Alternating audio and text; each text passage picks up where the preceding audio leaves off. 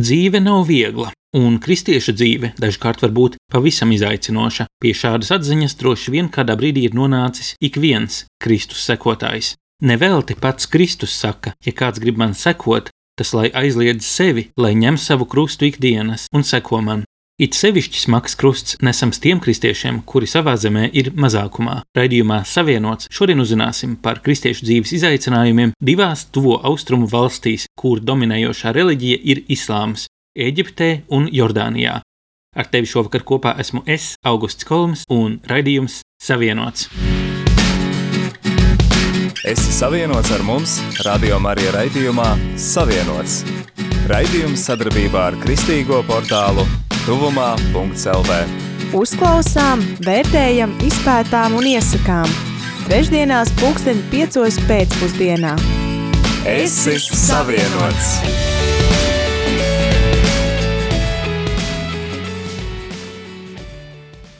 Rubrika Izpētām. Ar tevi raidījums Savienots. Kopā ar mums šovakar ir Baptistu mācītājs Pēteris Eisāns. Viņš vada biedrību Baltijas globālā iniciatīva, un mūsu klausītāji viņu noteikti atpazīs kaut vai no labdarības akcijas Zvaigzne austrumos. Labs vakars, August! Varbūt jūs varat dažos vārdos pastāstīt par savu kalpošanu saistībā ar kristiešiem tuvajos austrumos. Nu, ir tā, ka tojiem austrumiem es nekad tā neesmu stipri sev asociējis savā dzīvē, un man likās, nu, tā ir tāda vieta, kur ir vajadzīga kalpošana, evaņģēlīja tur sludināt, ir labi, ka tur ir kristieši. Bet man liekas, tā ir tāda grūta vieta, un man bija arī tāds priekšstats, nu, ka tas nav priekš manis. Taču, kā jau kādreiz gadās, ka tie mūsu paši izstrādātie priekšstati tiek mainīti bez mūsu pašu vēlēšanās, un tā 2014. gadā es kā cilvēks, kas diezgan aktīvi arī sekoja starptautiskiem notikumiem, es jau Sīrijas to pilsoņu kāru un, un, un, un arābu pavasaru, tā visa bija zināma lieta ne personīgā pieredze, bet tīri no ziņām un informācijas, kas tur ir. Un 14. gadā Islama valsts, tas teroristu grupējums, viņam bija zinām teritorijas jau Sīrijā iekārtojuši, bet vasarā viņi pārgāja robežu no Sīrijas uz Irāku. Un tas iezīmēja tādu robežu šķirtni tajā scenārijā, un es redzēju, ka parādās arvien vairāk arī tie ziņojumi par varas darbiem pret kristiešiem. Bija ziņas par kādiem, kas ir krustā sisti, bija ziņas par kādiem, kuriem vai nu tur galva nocirsta, vai vēl kaut kas. Un tad pienāca ziņas arī no Mosulas, kas ir uh, Irākas otra lielākā pilsēta ar ļoti lielu kristiešu minoritāti. Ja? Nu, tur ir Nīnijas iela, tā ir tā vieta, kur arī slavenā Nīnijas pilsēta bija. Un kaut kā tajā brīdī, nu, tas sakrit arī man tādu grūtu posmu dzīvē, un reizēm kā ir, ka cilvēks ir kaut kādā tādā grūtībā, tad viņš varbūt tā iekapsulējas un domā vairāk par sevi, nu, par saviem izaicinājumiem, savām problēmām, ko vajag risināt. Bet tajā mirklī, kad es ziņās ieraudzīju savā datorā, kad es lasīju pa tuviem austrumiem vienu bildi, kur tēvs nes rokās meitenīti, meitiņu, bet viņai nav galvas, tā ir nogriezta. Tas bija kā tāds spēriens no skaidrām debesīm, tas mani izsita no tādas sevi žēlošanas, pašžēlošanas, tādas noskaņojuma. Es domāju, kādas man vispār dzīvē problēmas. Šim tēvam, viņam gan ir problēmas, bet salīdzinājumā ar viņu, tie mani izaicinājumi patiesībā ir tīrais sniegs. Un tajā mirklī es devu solījumu sev un dievam, ka es mēģināšu kaut ko darīt. Nemaz nesaprotot, ko es varētu darīt, kā tas būs viegli vai grūti, bet bija svarīgi, nu, tas bija tāds arī nu, iekšējais imperatīvs, ir jāspēr pirmo soli, ir jāmēģina to darīt. Bija ļoti interesanti, ka no situācijas, kur man nebija nekāda kontakta tojos austrumos, es tur nevienu nepazinu, un nebija arī tāds pielicis pūles, lai kādu iepazītu. Burtiski pāris mēnešu laikā es iepazinu diezgan daudz cilvēku. No sākuma attālināti, pēc tam jau nu, Zooms tolaik nebija, bet tad tur Skype un, un citām aplikācijām vai ne sazinājāmies un atradu domu biedrus. Tā burtiski dažu nedēļu laikā dzima labdarības akcija ar nosaukumu Zvaigznes austrumos. Un arī, nu, jo bija vajadzīgs kaut kāds juridiskais ietvers, lai kaut ko no tā darītu, dzima organizācija, biedrība ar nosaukumu Baltijas globālā iniciatīva. Un arī daļēji tas nosaukums ir no tā, ka mēs redzam vajadzību tādā globālākā skatā lietas saskatīt. Ir citiem dāvana un aicinājums no Dieva rūpēties par lietām, kas ir no savā ciemā un savā pilsētā. Un tas ir vajadzīgs. Un mēs nekādā veidā nesakām, ka tiem, kam ir tas aicinājums, to nevajadzētu darīt. Bet es sajūtu, ka ir tas aicinājums arī paraudzīties bišķi plašāk. Nu, un iesaistījušies ir cilvēki, un sadzirdējuši tādu, kuriem ir līdzīgs tas aicinājums, kuri saprot, nevis izslēdzot vienu vai otru, ka tagad nu, mēs skatīsimies tur tālu un neko nedarīsim lokāli. Nē, pārsvarā jau iesaistīt tie cilvēki, kas lokāli arī ļoti aktīvi. Jā, un arī tieši, kad bija tie projekti bērniem vai ne tā labdarības akcija. Cik es pazinu ļoti daudz cilvēku, kas ir daudz darījuši Latvijas bērnu labā. Viņi teica, nē, bet mums ir sirdī vieta mīlestībai arī pret tiem bērniem, kas ir piedzīvojuši karu, tās šausmas. Mēs gribam arī viņus iepriecināt. Nu, tā. Tie bija tie pirmie soļi, kā radās tas kontakts ar tuvajiem austrumiem. Un, protams, tiklīdz ar tā akcija pirmā bija noslēgusies, kurpju kastītes, tās dāvanas bija savāktas, konteiners bija aizsūtīts, nu, tad bija jābrauc to konteineru sagaidīt, bija nu, tās visas darīšanas jāveic. Un tad jau bija arī tas pirmais kontakts ar reāli cilvēkiem. Tad es aci pret aci satikos, un man nebija pirms tam, protams, tāda personīga pieredze un priekšstata, bet nu, tagad es esmu iemīlējis tos cilvēkus. Es esmu redzējis to arī, ka atšķirīgā kultūrā, atšķirīgā vidē. Kristieši varbūt ir kaut kādas viņiem iezīmes, kas ir atšķirīgas no mums, viņu dziesmas vai viņa kaut kāda bībele. Arābu valodā viņš šķir pilnīgi no pretējās malas vaļā. Jo, no tā, bet es esmu pateicīgs Dievam, ka viņš man ir tādu pieredzi devis un ka es esmu varējis būt viņu namos, ar viņiem kopā būt, runāt, Dievu lūgt, gan smieties, gan arī raudāt. Un ar kurām valstīm jums šobrīd ir tās lielākais kontakts, kur ir visvairāk pieredzes? Nu, tieši to austrumu kontekstā klātienē nu, es esmu bijis Jordānijā visvairāk, nu, tad arī Izrēlā un arī Eģipte. Un, protams, arī esmu saticis irākiešu un sīriešu, neesot viņu zemē, bet viņus kā cilvēkus saticis. Un visas, izņemot Izraēlu, bet no tās pārējās zemes vieno, protams, arābu valoda. Tad, kad viņi savā starpā runā, saprotu, tā ir arābu valoda, tik daudz es saprotu, bet viņi, kas dzird viens otru runājam, viņi uzreiz atpazīst, ah, nu, tu tur ir eģiptietis, jā, vai, vai tu tur no Irākas. Es to, protams, netveru, ne, bet valoda ir kā viena, bet nu, mēs jau arī Latvijā, nu, ja kāds ir no Vēnspils vai Preļiem vai Jelgavas, mēs jutīsim atšķirību? Skaidrs, jā. Un kā jūs salīdzinātu kristiešu dzīvi šajās dažādajās valstīs? Nu, viena no lietām, ko es tā jūtu savā komunikācijā, diezgan var just to, ka tur viss tā sabiedrība ir tādā cilšu izpratnē. Viņiem ir ļoti svarīgi tie klani.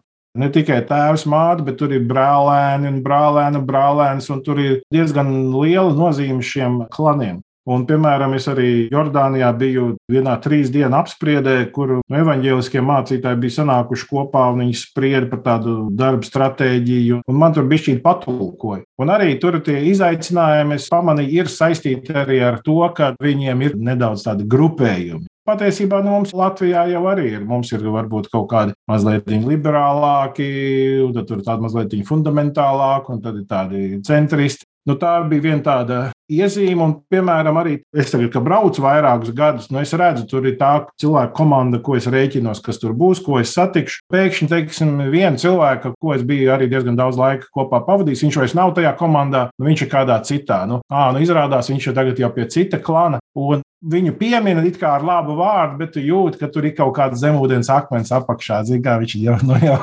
Teiksim, Latvijā un Rietumvalstīs es to tik ļoti varbūt neizjūtu. Tur cilvēki brīvāk pārvietojās caur dažādiem burbuļiem vai viņu tam dzīves telpām, bez tā, ka tur būtu ļoti liela kaut kāda iespēja tas atstājis vai traģēdija, ja kāds to baigi pieminēt. Tu vienu, protams, kas man ļoti iepriecina, es esmu viņu dievkalpojumos, lielākoties dziesmas es neatpazīstu. Tad tur bija vairāk reizes, bija braucis, kad dziedāja to klasisko zviedru korālu stūri gūdu, ak, lielais dievs, laikam Latvijas būs tas tulkojums un pārsteidzošā žēlastība, jeb angliski amazing grace. Bet viss pārējās dziesmas ir viņu pašu vietējās, vietējā valodā un, un muzikas interpretācijā, un, un tur ar visādiem tur izsaucieniem pa vidu arī tajās dziesmās ļoti tāda interesanta tā pieredze. Viņā to ir tāda autentiska, ka viņa nav tāda rietumu misionāru ievazāta, ja tā varētu teikt. Tas bija tā ļoti atsvaidzinoši. Mani braucieni lielākoties ir arī bijuši tajā vēsajā laikā. Tur vairāk, ko es zināju, tie tādi draugi, tādi stūrakmeņu vīri, bet viņi atnāk un tādā tradicionālajā beduīnu tērpā ar visu to galvas sēgu. Nu, teiksim, es to galvas sēgu redzēju Jasiram Arafatam, kas ir palestīniešu teroristu organizācijas vadītājs. Ja ar to es esmu uzaugusi tādu priekšstatu, un es redzu, ienāk man dievkalpojumā tāda vīra, tur sasēžās pagaidi. Nu, tad prātā ir kaut kāda pārkalibrācija, nu, kā to vērtēt. Nē, nu tas viņiem ir normāls tēps, ko vīri valkā. Un arī baznīcā viņi sēž un rēķinot to, ka viņiem tur nekur nav apkure. Un februārī, cik ir laukā, tik ir iekšā. Un ja ārā ir kaut kādi plus 3 grādi, un iekšā varbūt ir plus 4 vai plus 5. Tas beduīna tēps, tas garais mētelis ir vienkārši lielisks. Un es savā rietumnieku jaciņā un džinsiņās tur sēžu nedaudz drebinos. Viņš tur jūtās ļoti ērti. Līdz ar to ik pa laikam tur ir tādi starpkultūru motīvi un tās atšķirības, ko tu redz un pamani. Un man liekas arī veselīgi to redzēt, ka evaņģēlijas un kristietība viņa nav ietērpjama kaut kādā vienā kultūras apmetnī. Tās valodas, kultūras un tradīcijas ir dažādas, bet tā centrālā vēsts jau paliek.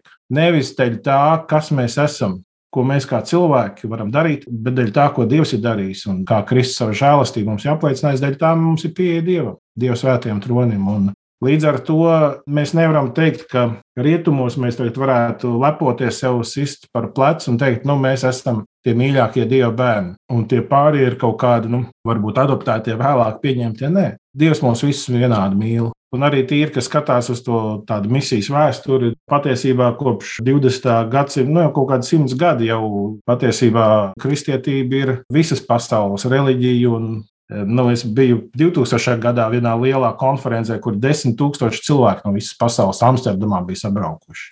Un eh, tā bija man tā pirmā reize, kad es ieraudzīju to nu, reāli dabā, ka kristietība ir ļoti krāsaina pēc tērpiem, ja, kas tur bija reprezentēti, un arī pēc ādas krāsas. Un patiesībā, manuprāt, tas ir ļoti labi, ka kristietība pieder visām tautām, visām nācijām, visiem ļaudīm, un visi ir Kristus krusta priekšā vienādi ar savu grēku un arī ar savām tiesībām saņemt žēlastību.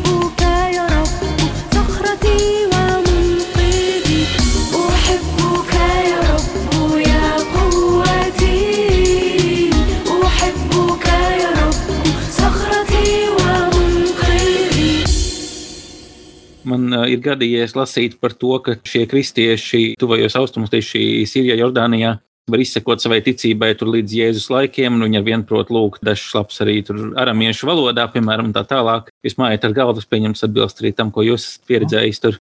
Kā tad tas ir noticis, ka tagad šīs valstis ir no tāda kristietības šūpuļa zemes kļuvušas par vairākumu musulmaņu valstīm? Tas ir vēsturisks fakts.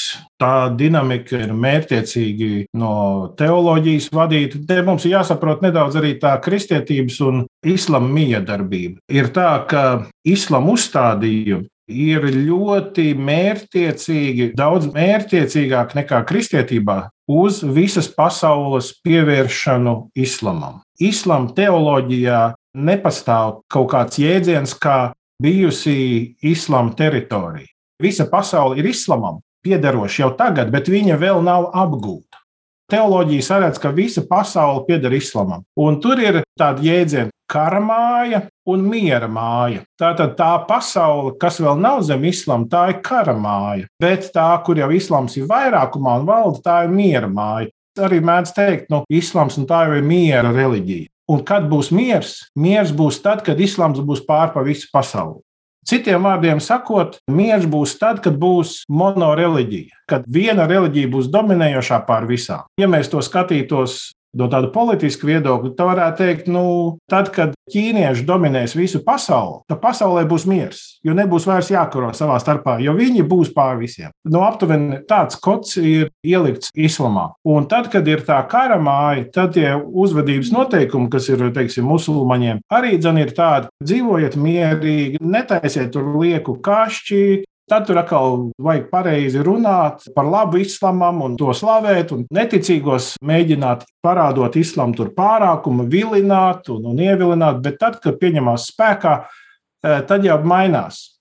Un tad jau parādās arī tas, ka var pielietot mazliet viltību, var pielietot mazliet spēku. Tad ir tāds status kā dimija status, ka nu, jūs maksājat papildu nodokli, jums atļaujat dzīvot. Neviens jums pāri nedarīs, bet jūs vienkārši par to vairāk samaksāsiet. Un beigās jau nonāk līdz zināmos apstākļos, līdz izvēlei.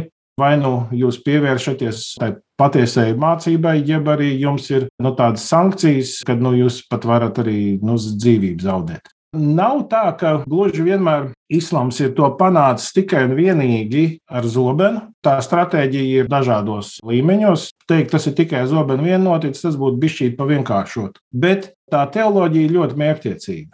Un līdzīgi, ko mēs pamanām pie lielā austrumu kaimiņa, Krievija mūsu gadījumā nav viņiem bijušās zemes. Piemēram, Krīma. Ja? Nu, sen bija vēsture pieņēmusi, ka tā ir Ukrainā, un tur bija zināms pamatojums tam. Nē, tā nevar būt. Ja? Un arī līdzīgi ir islamam. Ja reiz kāda teritorija bija zem islāma kontrolas, un pēc kāda laika viņa ir citā pāraudzībā, tā nevar būt. To jādabū atpakaļ. Tātad tas kods ir diezgan spēcīgs. Un līdz ar to vēsturiski mēs redzam, visur ir gājis tikai vienā virzienā. Citādi nav bijis. Piemēram, arī, nu, kad mēs skatāmies kristietības lielie biskupi, baznīcas tēvi, viņi jau visi bija pilsētās, kuras islāms cik 50, 70 gadu laikā tās visas ieņēma. Izņemot Romu, ah, nē, nu, Konstantinopola arī bija šī vēl, vēl turējās, jā. Konstantinopola un Roma, bet, teiksim, Aleksandrija vai Antiohija, tur vien bija jau islāma kontrolē. Jordānijā nu, kristieši kaut kur pie 2%. Savulaik tur bija stabils vairākums.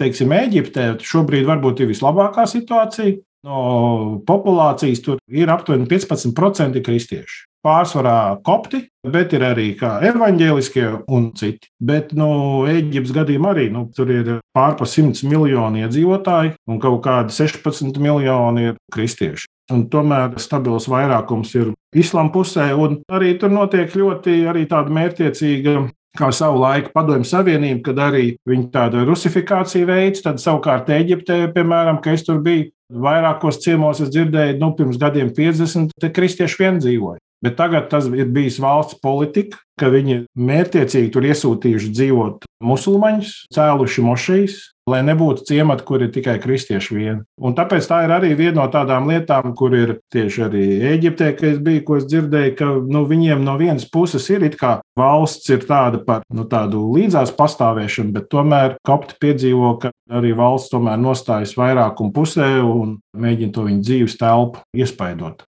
Kā izskatās ikdienas kristieša, ikdienas dzīve šādās valstīs? Vai ir kādas grūtības, ar kurām viņi saskaras, kas mums nav pazīstamas, iedomājamas, vai ikdiena ir diezgan mierīga, varbūt kā musulmanim kādā lielākā Eiropas pilsētā? Ne, nu, teiksim, Eiropas pilsētā arī nu, musulmanis jau ir diezgan teiksim, tāds fundamentālists. Musulmanis viņš jau diezgan ātri pazīstams. Vai vīrietis vai sieviete jau pēc sava ārējā tēla, vai ne? Vienīgi Eiropā mēs to uztveram diezgan mierīgi, relaksēti un saprotam, ka viņiem ir cilvēktiesības, viņiem ir tiesības būt. Kas savukārt nav tā, nu, tuvajos austrumos. Viena no lietām, ko viņi visi sastopās, ir identifikācija. Gan Jordānijā, gan arī Eģiptē un visur citur, viņiem uzreiz kā tu pasniedz pasi vai ID karti, tur ir atzīmēts, ka tu esi kristietis. Jordānijā to es nepamanīju, bet Eģiptē es pamanīju. Gan arī visiem redzamā vietā kristiešiem bija uztetovēts krusts. Un līdz ar to viņi uzreiz ir atpazīstami. Viņi uzreiz ir redzami. Viņi nevar tā nu, iejukt kaut kādā veidā pūlī. Teiksim, arī, nu, ka mēs kādreiz esam dzirdējuši ziņās, ka kaut kur aptur tūkstnesī autobusu ar kalašķikoviem kaut kāds grupējums, nu, un tagad grib, nu, kurš tad ir kristietis? Nu, nav viņiem grūti to identificēt. Ja, to viņi ļoti ātri var atpazīt. Vai nu Eģiptē pēc tiem tetovējumiem, vai arī dzen, pēc kaut kādiem ID dokumentiem. Es saprotu, tie krusti, ko viņi tetovē, tas ir, es saprotu, tradīcija koptu kristietībā, vai ne? Jā. Tas nav nekas, Jā. ko valsts uzspiež. Nē, bet vēl viena lieta, ko es arī Jordānijā pamanīju, viņi no krusta nekaunās. Tā situācija ir viņiem varbūt tāda nedaudz draudīga, tā ārējā vide, bet viņi nekaunās. Viņiem visi dievnami, teiksim, metodistu draugi, tā, kur mums ir vislielākā sadarbība. Viņiem ir tādā, tādā daudz dzīvokļu namā, tas dievnams iekārtots, viss tas pirmais stāvs ir dievnamam veltīts. Nav tāda varbūt ar kupoliem, tā, bet krusts prominenti redzams uz ēkas, pie vārtiem. Tur nevar paiet garām, nepamanot. Tas ir ļoti skaidri redzams. Un, protams, ir citi dievnami tajā pilsētā, kuri varbūt klasiskāk izskatās pēc baznīcas ēkas. Krusti ļoti prominenti. Līdz ar to viņi neslēpjas. Tas man bija ļoti interesanti vērot, un viņi neatvainojās par savu klātbūtni. Viņi tur ir, viņa klātesoši. Un, piemēram, Jordānijā tas mācītājs, ar ko mums ir visvairāk sadarbība, viņš ļoti arī respektē karali. Ja karalis ir teicis, ka kristiešiem un, un, un musulmaņiem jāsadarbojas un jādzīvo mierā, viņš šo tēzi kā tādu mantu iet pa priekšu. Karalis teica, tā mums ir jādzīvo mierā, Un, protams, viņš jau arī grib evaņģēlīju sludināt, bet viņš izmanto to savā veidā, nu, tāda karaļa autoritāte, gan kaut kādās pilsētas pašpārvaldes iestādēs, un arī, kur mums bija vajadzīgs zvaigznes austrumos, piemēram, ka mums pie robežas, burtiski kaut kādā 500 metru attālumā no Sīrijas robežas. Tur bija ziņas, ka pa naktīm tur šaudās un tam līdzīgi. Nu, un mēs tur uz tādu vienu bēgļu nometnīti, nevis uz to lielo ANO nometni, kur ir desmitiem tūkstoši cilvēku. Tur mēs nemaz netikām iekšā, jo viņi pilnīgi cita līmeņa birokrātija. Nu tā. Bet mēs uz tādām mazākām braucām. Un arī viņš vietējos policistus tur sarunāja, zvanīja un kārtoja. Un viņš teica, arī Karalis teica, musulmaņiem un kristiešiem jādzīvo mierā. Bija mums kaut kādi policisti, tur it kā tur sargāties. Jau. Pēc tam gan viņš teica, nu, nu, ko tu domā, tie policisti mums būtu kaut ko palīdzējuši. Zigāda, ja kāds kaut ko būtu gribējis darīt. Nu, tā, bet viņi tajā vidē ir un viņi kalpo, viņi neslēpjas. Amānā, Jordānijā, teiksim, viņi arī savā apkaimē, viņi tādas publiskas lietas dara, piemēram, caur to mikrorajonu iet tāda galvenā iela, it kā divas joslas katrā virzienā, bet pa vidu ir tāda sadalošā josla un tāda apmala. Jā. Viņa var redzēt, ka ir krāsota bijusi pirms pāris gadiem. Nu, arī tad viņi aizgāja pie vietējā, kas tur bija tas administratīvais, tur tas pārvaldnieks teica, nu, mēs gribētu pilsētai kaut ko labu darīt. Viņi tur vienu posmu ņēma kaut kādu nedēļu un krāsoja no, no tās draudzes. Pēc tam bija smuki dzeltens, melns, dzeltens, melns, vai ne nu, tā atdalošā josla, tāda akcentēta, vai ne, lai tur kāds tur neieskrien. Un nu, tādas lietas dara, un viņi tiek pamanīti, viņi redzami. Es tur redzēju, ka viņi kaut kādā tur vietējā avīzē par viņiem rakstīts. Nu, tā. Tāpēc jāsaprot tas, ka Kad runājam par vajāšanām, tās vajāšanas jau var izpausties ļoti dažādi. Ir eh, vajāšanas, kas ir no likuma pamata, kas ir kaut kur ar kaut kādu valdības rīkojumu un kaut kādi ierobežojumi, tiesību ierobežojumi, nu, kaut vai tās ID kartes. Nu, pirms pāris gadiem bija karalis izdevusi rīkojumu arī, ka tās ID kartes vairs nevajadzēs atzīmēt reliģisko piedarību. Nu, un tad vietējie draugi cilvēki bija ļoti priecīgi par to. Nu, var redzēt, ka kaut kas mainās. Bet otrs ir, kur ir tieši kopiena. Nevis no valsts kaut kādas spiedienas, bet tieši no kopiena, no cilvēkiem, parasti iedzīvotāji. Nu, to jau iespaido kaut kāds reliģiskais mantojums. Reizēm, ja ir kaut kādi islāma fundamentālisti, viņi jau tur arī var kaut ko izspēlēt. Piemēram, tai draudzē, ar ko mums sadarbība Jordānijā, Tur ir pāris gadījums, mācītājs stāstīja. Pirms kaut kādiem gadiem arī nu, pēc dievkalpojuma viņi iznāk tur tajā pagalmiņā un no augšējiem dzīvokļiem pa logiem sāk birt akmeņi lejā. Nu, met cilvēkiem uz galvas akmeņus. Viņi izsauc policiju, Un viņš teica, nezinu, ko viņi teica tiem dzīvokļu saimniekiem. Kopš tās dienas neviens akmens nav bijis. Vēl tur bija viņiem gadījums, bišķīt, pirms es pirmo reizi aizbraucu, tur kaut kāds pusgads bija pagājis. Viens vīriņš arī bija ieradies tur ar Kalašņikovu un sācis saukt Allahu Akbar un sācis tur šaut, bet viņš acīm redzot, bišķīt prātā, nu tāds nelīdz galam attīstīts cilvēks, viņš nebija sapratis, kurā dienā jāiet. Nu, līdz ar to tur bija kaut kādi divi, trīs cilvēki tajā telpā, viņi paspruka, kur kurais. Un atkal izsauca viņus policijas, pēcdienas tie viņu uzreiz arestēja un pēc pilnas programmas. Un tāpēc tas, ko es sapratu no tiem Jordānijas kristiešiem, ja viņiem kāds šādā veidā kaut ko dara pāri, viņi bez kautrēšanās uzreiz zvana policijai un pēcdienestiem un tiek tas ļaunums savaldīts. Teiksim, arī viņiem bija audits no kaut kādām drošības struktūrām, apstaigāts ēkas, un visi viņi, viņi teica, tagad jums vajadzētu šo izdarīt, tur vajag video kameras, tur vajag vārtiem, tur kaut ko vai tur paaugstināt, vai ko tur. Nu, arī tīri viņi rūpējas par to drošību, ne, lai būtu kristiešu ēkām apzinoties riskus. Tieši tad, kad tas aizsis tur aktīvi darbojās, nu, tad arī valsts pārstāvji arī par to rūpējās. Bet, nu, Eģiptē, kas bija savukārt, ko es redzēju, nu, pie baznīcas priekšā, Koptiem, piemēram, arī tur bija kaut kādi trīs vīriņi vai četri, kas sēdēja no nu, ar šaujamiem rokā. Tie nebija valdības, tie bija paši draugi onkulīši ar šaujamiem, un viņi sargāja. Un tur jau ir bijuši gadījumi Eģiptē, vai ne, kad vairākus dievnams uzlaiž gaisā, un tur vai nodedzina. Tā Jordānijā tik ļoti nav bijis. Jā, es salīdzināju iepriekš, ko par Jordāniju un Eģipti rakstīja organizācija Open Doors. Viņiem, nu, viņiem tāds vajāšanas indeks tur iet līdz 16,7. Dažādi rādītāji, dažādas jomas.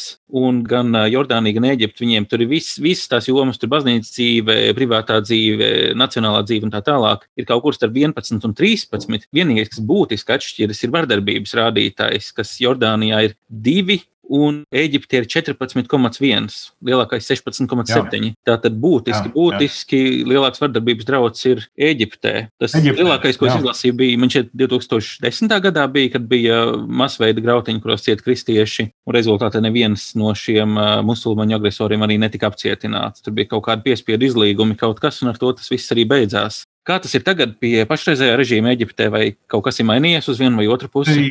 Jā, ir mazliet, nu, atkal ir jāsaka, tāda diezgan diktatūriska valdība Eģiptē un tāds militārs režīms. Un tādēļ viņi mēģina nu, to drošību valstī turēt. Tagad arī nu, pēdējos gados tik daudz, tik bieži nenotiek. Man liekas, man pazīstami cilvēki bija tieši arī, kad bija pēdējā revolūcija. Viņi stāstīja, kā tur viss tās lietas notika, un uh, tad bija arī diezgan daudz grautiņu, un tāds tieši vilnis bija trāpījies. Un atkal, tad, kad es biju 2000, kas tas bija 15. gads, tad arī, nu, burtiski kaut kāds dažas dienas pēc tam, kad es biju Eģiptē bijis, tur bija uzbrukumi policistu patruļu postenim, ko musulmaņu brālība bija sarīkojusi un tam līdzīgi. Nu, ik pa laikam kaut kas tur notiek, bet tā problēma ir, teiksim, tāda viļņveidīga ar to vardarbību. Bet tu jau nekad nevari zināt, kad tas vilnis velsies pār tevi. Un tāpēc viņiem ir tie drošības pasākumi pie baznīcām, ir, tos viņi rīko, un tie ir nepieciešami. Bet vēl viena lieta, kas ir, nu, ir tas, ko viņi saskarās tajā kopienā. Piemēram, viena no lietām, kas ir Eģiptei raksturīga, ir, teiksim, sievietes diezgan bieži tiek aizskartas, fiziski iespaidotas, seksuāli iespaidotas, arī nolaupītas. Nolaupītas laulību nolūkā. Nolaupt meiteni piespiedu kārtā viņi tiek konvertēti islamā. Un arī es esmu personīgi saticis cilvēkus, vīrietis, kuram arī nu, sieva nolaupīja un aizveda uz Saudārābiju, un, un viņš tur neko nevar izdarīt. Ziņoja policijai, un nekas nemainās. Tā arī tur notiek. Tāpēc tā vardarbība ir reāla un Tā, un arī mums jau kā biedrībai bija viens projekts, kas bija tagad 2015. gadā no nu, ISIS tur Lībijā jūras krastā 21 koptam nogriezis galvu. Tieši tad, kad to palaida viņu to video ēterā, es biju Jordānijā. Un tieši mēs braucām busiņā, un telefonā viņi skatījās, un es jau nesapratu. Es tikai pēc viņa reakcijas sapratu, ka ir kaut kas šausminošs. Pēc tam viņi man ieliek to telefonu acīs un saka, watch, Un tu esi ar tiem kristiešiem, kas saprot, ka varbūt, ja ISIS tā to uzvaras gājienu turpinās, kā viņi bija iesākuši, ka tas jau arī viņiem būs kā problēma. Es taču nevaru novērsties un neskatīties. Ja? Un es noskatījos to video, tas man satriec. Un jau tur esot, es runāju tiem līderiem, ko mēs varam darīt. Un viss beidzās arī ar to, ka beigās arī varējām uzmeklēt tās ģimenes un tīru ūdens projektu tur uztaisīt. Nu, ne tikai no Latvijas, arī citi ziedotāji tur piedalījās. Un 15 tīru ūdens ņemšanas vietas septiņos ciematos, no kurienes nāca šie martīri, nu, mēs varējām arī uztaisīt. Un, godīgi sakot, tas bija ļoti tāds īpašs notikums un pieredze man pašam, kad es varēju būt tajās mājās pie tām ģimenēm, tēviem, mātēm, brāļiem, māsām, kas bija zaudējuši savējos, tik publiski pasaules acu priekšā. Un viņi stāstīja, stāstus, mēs runājām, raudājām, lūdzām Dievu, zvērām teju. Un es varēju redzēt, kā viņi pat ar tādu savdabīgu pateicību un prieku runāja par to, ka viņu dēli bija izturējuši. Jā, viņi teica, mēs redzējām, ka tur bija tas oriģinālais audio celiņš pietiekami labi atstāts, ka varēja saprast, ka viņi ar Jēzus vārdu uz lūpām atdod savu dzīvību. Es teoloģiju studēju Amerikā, un tad man nāca prātā, kur es biju kāds raksts lasījis, kur tāda evaņģēliskie, tāda, nu, no tāda fundamentālista perspektīvas, tur bija diskusija arī nu, par koptiem, par viņu uzskatiem, vai viņi ir pietiekami labi kristieši. Es domāju, cik sekli tādā ziņā, ka tu tur Coca-Cola dzerdams, drošībā sēdēdams, čībās, varbūt raksti to rakstu. Bet šeit cilvēki, par kuriem tu domā, vai viņi ir īstenībā kristieši, viņi ar vārdu Jēzus uz lūpām aiziet no šīs dzīves, kad viņiem nazas pie rīklas pielikts. Tāpēc es domāju, cik reizēm tie arī mūsu spriedumi par citu vidi, citu kultūru beigās var atgriezties, apsūdzēt mūs pašus. إن البرايا بأسرها تفرح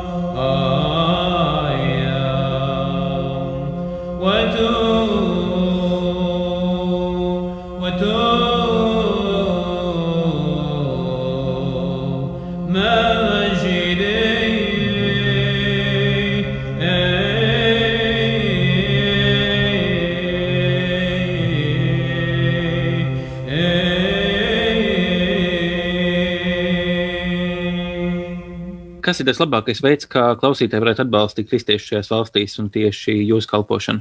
Labākais veids, kā atbalstīt kristiešus, kas ir grūtās vietās un grūtās situācijās, ir lūgt. Un es gribētu uzsvērt, ka tā nav klišeja. Tā arī varētu būt klišeja, ja tas nav bez seguma. Es atkal un atkal, kad es esmu saticies un runājis, es esmu to jautājis. Un viņi saka, lūdziet Dievu. Tas ir tieši tas, kā viņi atbild. Lūdziet Dievu par mums. Tad, kad mēs esam no Latvijas, tuvajos austrumos, es neredz, ka viņi mūs uztver kā naudas maku. Viņi novērtē to, ka mēs esam maza tauta, un tas mācītājs Amānā, Jordānijā, viņš saviem skaidroja, viņš teica, jā, nu Latvija tur ir Latīvija, kā viņš saka, ka ir maza tauta un ka mums to vajag novērtēt, un viņi to novērtē. Un nekādā veidā viņi neredz, o, nu tagad nu, mums no latviešiem tur atnāk ziedojums vai vēl kaut kas. Viņi saka, lūdziet Dievu. Un arī ir daudz liecības, kur cilvēki, nu, aizvadītajā gadā bija Āfrikā viens imams, kas bija uh, musulmaņu sludinātājs, kas bija kļuvis par jēzus sekotāju. Viņš nonāca grūtā situācijā, jo viņš tika nolaupīts un nebija zināms, nu, kas ar viņu notiks. Es esmu vienā lūkšanu grupā, kuru nu, mēs signāla aplikācijā sarakstāmies, sazvanāmies, nu, un šāda veida lietas nu, informējam viens otru. Un, un visā pasaulē cilvēki lūdz Dievu. Un kas notika? Viņš tika atbrīvots. Viņš līdzīgi kā apustulis Pēters, kā mēs lasām apakstuļu darbos, viņš redzēja vīziju, kas notiks, un tieši nākamajā dienā tā notika. Viņš tika aizvests tuksnesī un atbrīvots. Ej. Un tādēļ lūkšanai spēks. Un viena no lietām, kas ir, skatāties Facebookā, Baltijas globālā iniciatīva. Mēs katru nedēļu tur publicējam, pa kuru valsti mēs lūdzam. Katrai nedēļai būs cita valsts. Lūdziet Dievu. Un tad, kad jūs lūdzat, jūs jau nezināt vārdā nosaukt to cilvēku, par ko jālūdz tajā mirklī. Bet Dievs jau zina katru, kuram ir vajadzīga palīdzība tajā mirklī. Tādēļ tā ir šī sadarbība. Un kas attiecās uz mūsu darbu Baltijas globālā institīva, Mēs pastāvam uz ziedojumu pamata. Ja kāds vēlās, tad atradīsiet mūs kaut kur arī internetā, kur zem zvaigznes austrumos. Arī, ja grib kaut kādu ziedojumu atbalstīt, tad arī to var darīt. Bet tas īstais darbs sākās ar lūkšanu. Lūdziet paši, aiciniet citus to darīt. Šī bija saruna ar baptistu mācītāju Pēteri Eisānu no biedrības Baltijas globālā iniciatīva. To var atrast Facebook, facebook.com šķērsvītra Baltika Global. Tas ir Baltika ar C. Ja šī saruna liekas interesanta, noteikti aicinu arī apmeklēt Vajātie LV. Par kristietību un islāmu tuvajos austrumos lūdzām komentāru arī Latvijas Universitātes profesoram Leonam Taivānam. Mūsdienu pasaulē masveidīgas kristiešu vajāšanas, diemžēl, ir jau kļuvusi par parastu lietu. Un īpaši šeit izceļas tuvie austrumi, kur vispirms kristieši tiek padzīti no dzimtajām vietām, tiek fiziski iznīcināti, sievietes tiek izvarotas, bērni nolaupīti, notiek barbarisks svētvietu apgānīšanas un nojaukšanas. Un visas šīs lietas, diemžēl, mūsdienu masu saziņas līdzekļi atzīst tikai vietumus, tikai dažkārt. Kristiešu vajāšanas ir diezgan masveidīga parādība tuvajos austrumos un islama zemēs kopumā. Šodien mēs runājam par Jordāniju un par Eģipti. Jāsaka, ka Jordānija no geogrāfiskā viedokļa šodien ir kādreizējās Palestīnas sastāvdaļa, un kā tāda tā ir vieta, kurā kristietība ir tikusi pasludināta, ka pasludināja, kā mēs zinām, Jēzus, Un tādējādi Jordānija var lepoties ar to, ka tā ir zeme, no kurienes kristietība ir nākusi. Otra tūmā esošā zeme, tā ir Eģipte, kurā kristietība atnes apostols Marks, un Eģipte dod savdabīgu, ļoti senu un ļoti interesantu kristietības ziedu. Tā ir koptu kristietība, tā ir Aleksandrijas teoloģija, tā ir kristietība, kas ir raksturīga ar savu senumu un ar saviem ļoti arhaiskajiem un ļoti interesantajiem uzskatiem un paražām. Šodienas situācija Eģipte ir diezgan nelāga. Tā ir ziņā, ka mēs gandrīz vai katru gadu saņemam ziņas par to, ka kaut kādi musulmaņu ekstrēmisti, kurus pēc tam nevar tiesību sargājošās instances atrast, ir uzspridzinājušas vai ir mēģinājušas apšaudīt cilvēkus, kas ir sapulcējušies uz pupulsvētdienas vai palmasvētdienas svētkiem, vai uz Kristus augšām celšanās svētkiem, vai Ziemassvētkiem. Un tā ir tāda zīme, ka kristietība šajā lielajā zemē ar ļoti lielo apmēram 10% lielo kristiešu reliģisko minoritāti, tātad pastāv aizvien vēl šodien. Labāka situācija ir Jordānijā. Jordānijā ir diezgan demokrātiska, monarhiska valdīšana, un jāsaka, ka turienes jaunatne bieži vien stājās tādās brīvprātīgo rindās, lai aizsargātu kristīgo baznīcu un ļautu saviem kristīgajiem kompatriotiem mierīgi sagaidīt Kristus augšām celšanās svētkus, piemēram, vai pabūt dievnamā vai kādos citos reliģiskos svētkos. Bet šī situācija nav izveidojusies vienā dienā, un to ir aizsākuši, protams, arābu iekarojumi, kas sākās 632. gadā. Tātad gadā, kad islāmam vēl bija tikai desmit gadi. Arābu iekarotāji, protams, nebija nekādi reliģiskās autoritātes, un viņu ticība bija diezgan šaubīga, viņi uzstājās toreiz Jordānijā, sākot ar 632. gadu, un desmit gadus vēlāk Ēģipte kā tāda iekarotāja, ne kā islāma nesēja. Jo šodien netrūkst islāma literatūras, kurās ir rakstīts, ka lūk, arābi nesa islāma reliģiju uz Jordāniju un nesa to uz Eģipti. Tā tas nebija. Reliģiju atnesa kā mācību, kā reliģisko ētiku un vispārējo stipri vēlāk, un pavisam citi cilvēki. Bet situācija, piemēram, Eģiptē attiecībā pret kristiešiem sāka ļoti krasi pastiprināties 13. gadsimta vidū, kad pie varas nāca tādā vērtē mamļuki, jeb vergi karotāji, kas bija paši cilvēki nelaimīgi, bet tā laika viņi sagrāba varu Eģiptē. Arī Lielajā Sīrijā, kuras sastāvā toreiz bija Jordānija, tagadējā Jordānija, un tad ļoti sāka pastiprināties kristiešu vajāšanas laiku pa laikam, atkarībā no tā, kāds valdnieks sēdēja tronī, atkarībā no tā, kāds gubernators valdīja uz vietas, un atkarībā no tā, kāds bija sabiedrības noskaņojums. Vai tas bija periods, kad bija materiāla labklājība, vai tas bija periods, kad visa kā trūka, un tādos gadījumos parasti bruka virsū kristiešiem, kā citādiem, nu arī kā cilvēkiem, kas bija diezgan labi pārtikuši. Vēlākos gados situācija dažādi mainījās, bet stabila kristietība nekad nav bijusi. Ar 1516. gadu abas šīs teritorijas, gan Jordānija, gan Ēģipte nonāk tiešā Osmaņu impērijas pakļautībā. Sultāns Selims III šīs teritorijas iekaro un ievieš tur milētu sistēmu, kas nozīmēja, ka kristiešu kopienas bija autonomas un lielā mērā neatkarīgas no apkārtējās varas, jo šo autonomiju vadītāji bija Kristīgās baznīcas augstākā garīgā amatpersona, un viņi bija tieši padota sultānam, un tādējādi vietējā vara pārlieku nevarēja iejaukties kopienas iekšējās lietās. Tas garantē zinām stabilitāti. Bet tomēr jāsaka, ka arī šajos apstākļos laika pa laikam kristiešu situācija varēja pasliktināties. Pie visa šī ir tāds tīri, varbūt gan teoloģisks, gan sociāli politisks skaidrojums. Kāpēc šāds ienaids no musulmaņu puses attiecībā pret kristiešiem. Nu, iemesls ir tas, ka islāmā valsts un reliģija nav nodalīti viens no otra. Evanģēlīja tekstos mēs vairākās vietās lasām. Jēzus saka, ka Pilāta tiesā mana valstība nav no šīs pasaules. Gadījumā, kur ir aprakstīts, ka Pharizēji uzdod Jēzum jautājumu, vai mums būs maksāt nodokļus Romas Cēzaram, jeb Romas okupācijas varai. Uz ko Jēzus atbild: atdodiet Cēzaram to, kas Cēzaram pieder, un Dievam to, kas Dievam pieder. Un mēs šajās divās epizodēs, un arī vēl citas, redzam, ka pēc kristīgās mācības valsts un ticība ir nodalītas lietas. Islamā tas tā nav. Un, ja kāds cilvēks piederīgs ir islāma reliģijai, tas nozīmē, ka viņš ir lojāls no politiskā viedokļa. Ja viņš pieder kristietībai, tad viņa lojalitāte ir apšaubām un tā nav droša. Ja viņš pieder vēl kaut kādai reliģijai, teiksim, budismam, arī šajā gadījumā viņa lojalitāte valstī nav droša. Un šī valsts un reliģijas nenodalāmība, kas pastāv islamā, tāds, ja tā varētu teikt, gan teorētisks, gan praktisks iemesls, kāpēc kristiešiem nekad islāma valstī nav bijusi droša pastāvēšana.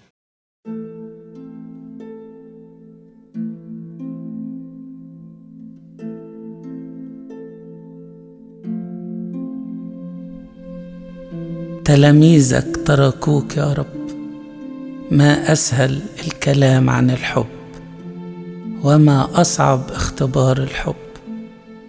اسهر ولو ساعة مع الرب. سلم سلم لي كل القلب.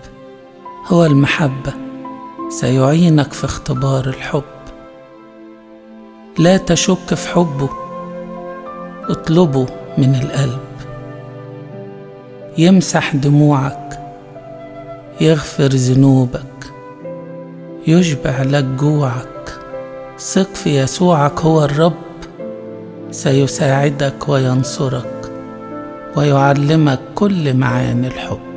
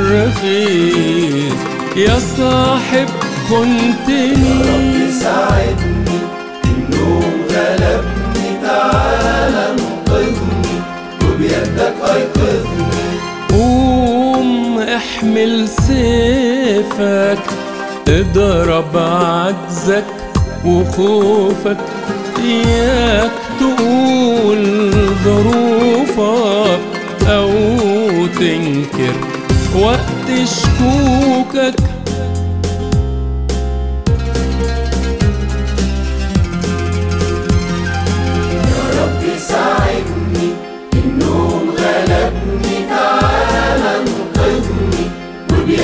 ايقظني أنا أقوى بحبي واطلبني بسرعة تجدني. يكفيني نظرة يا ابني وبدموع توبتك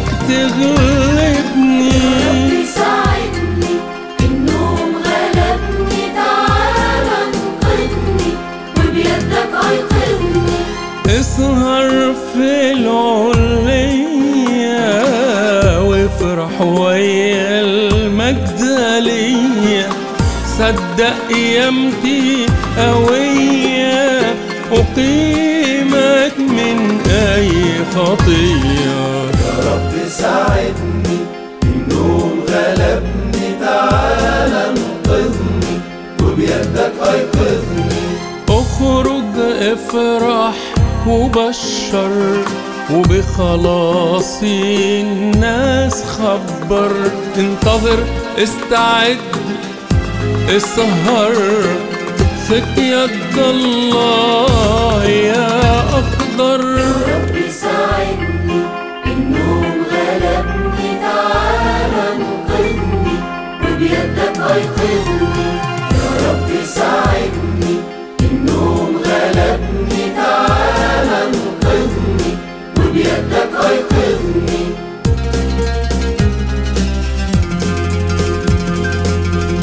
Ja arī tev ir kādas liecības saistībā ar kristiešu izaicinājumiem ārvalstīs, raksti uz savienots attuvumā LV vai tieši man uz augusts attuvumā LV. Radījumu savienots var klausīties katru otro trešdienu, neskaitot svētku nedēļas vai kādus neparedzētus apstākļus. Mūs var dzirdēt arī arhīvā, platformās Apple podkāsts un Spotify. Nākamreiz tiekamies, ja kungs tā gribēs, pēc divām nedēļām. Es ar vienu esmu Augusts Kolums, un šis bija Savienots.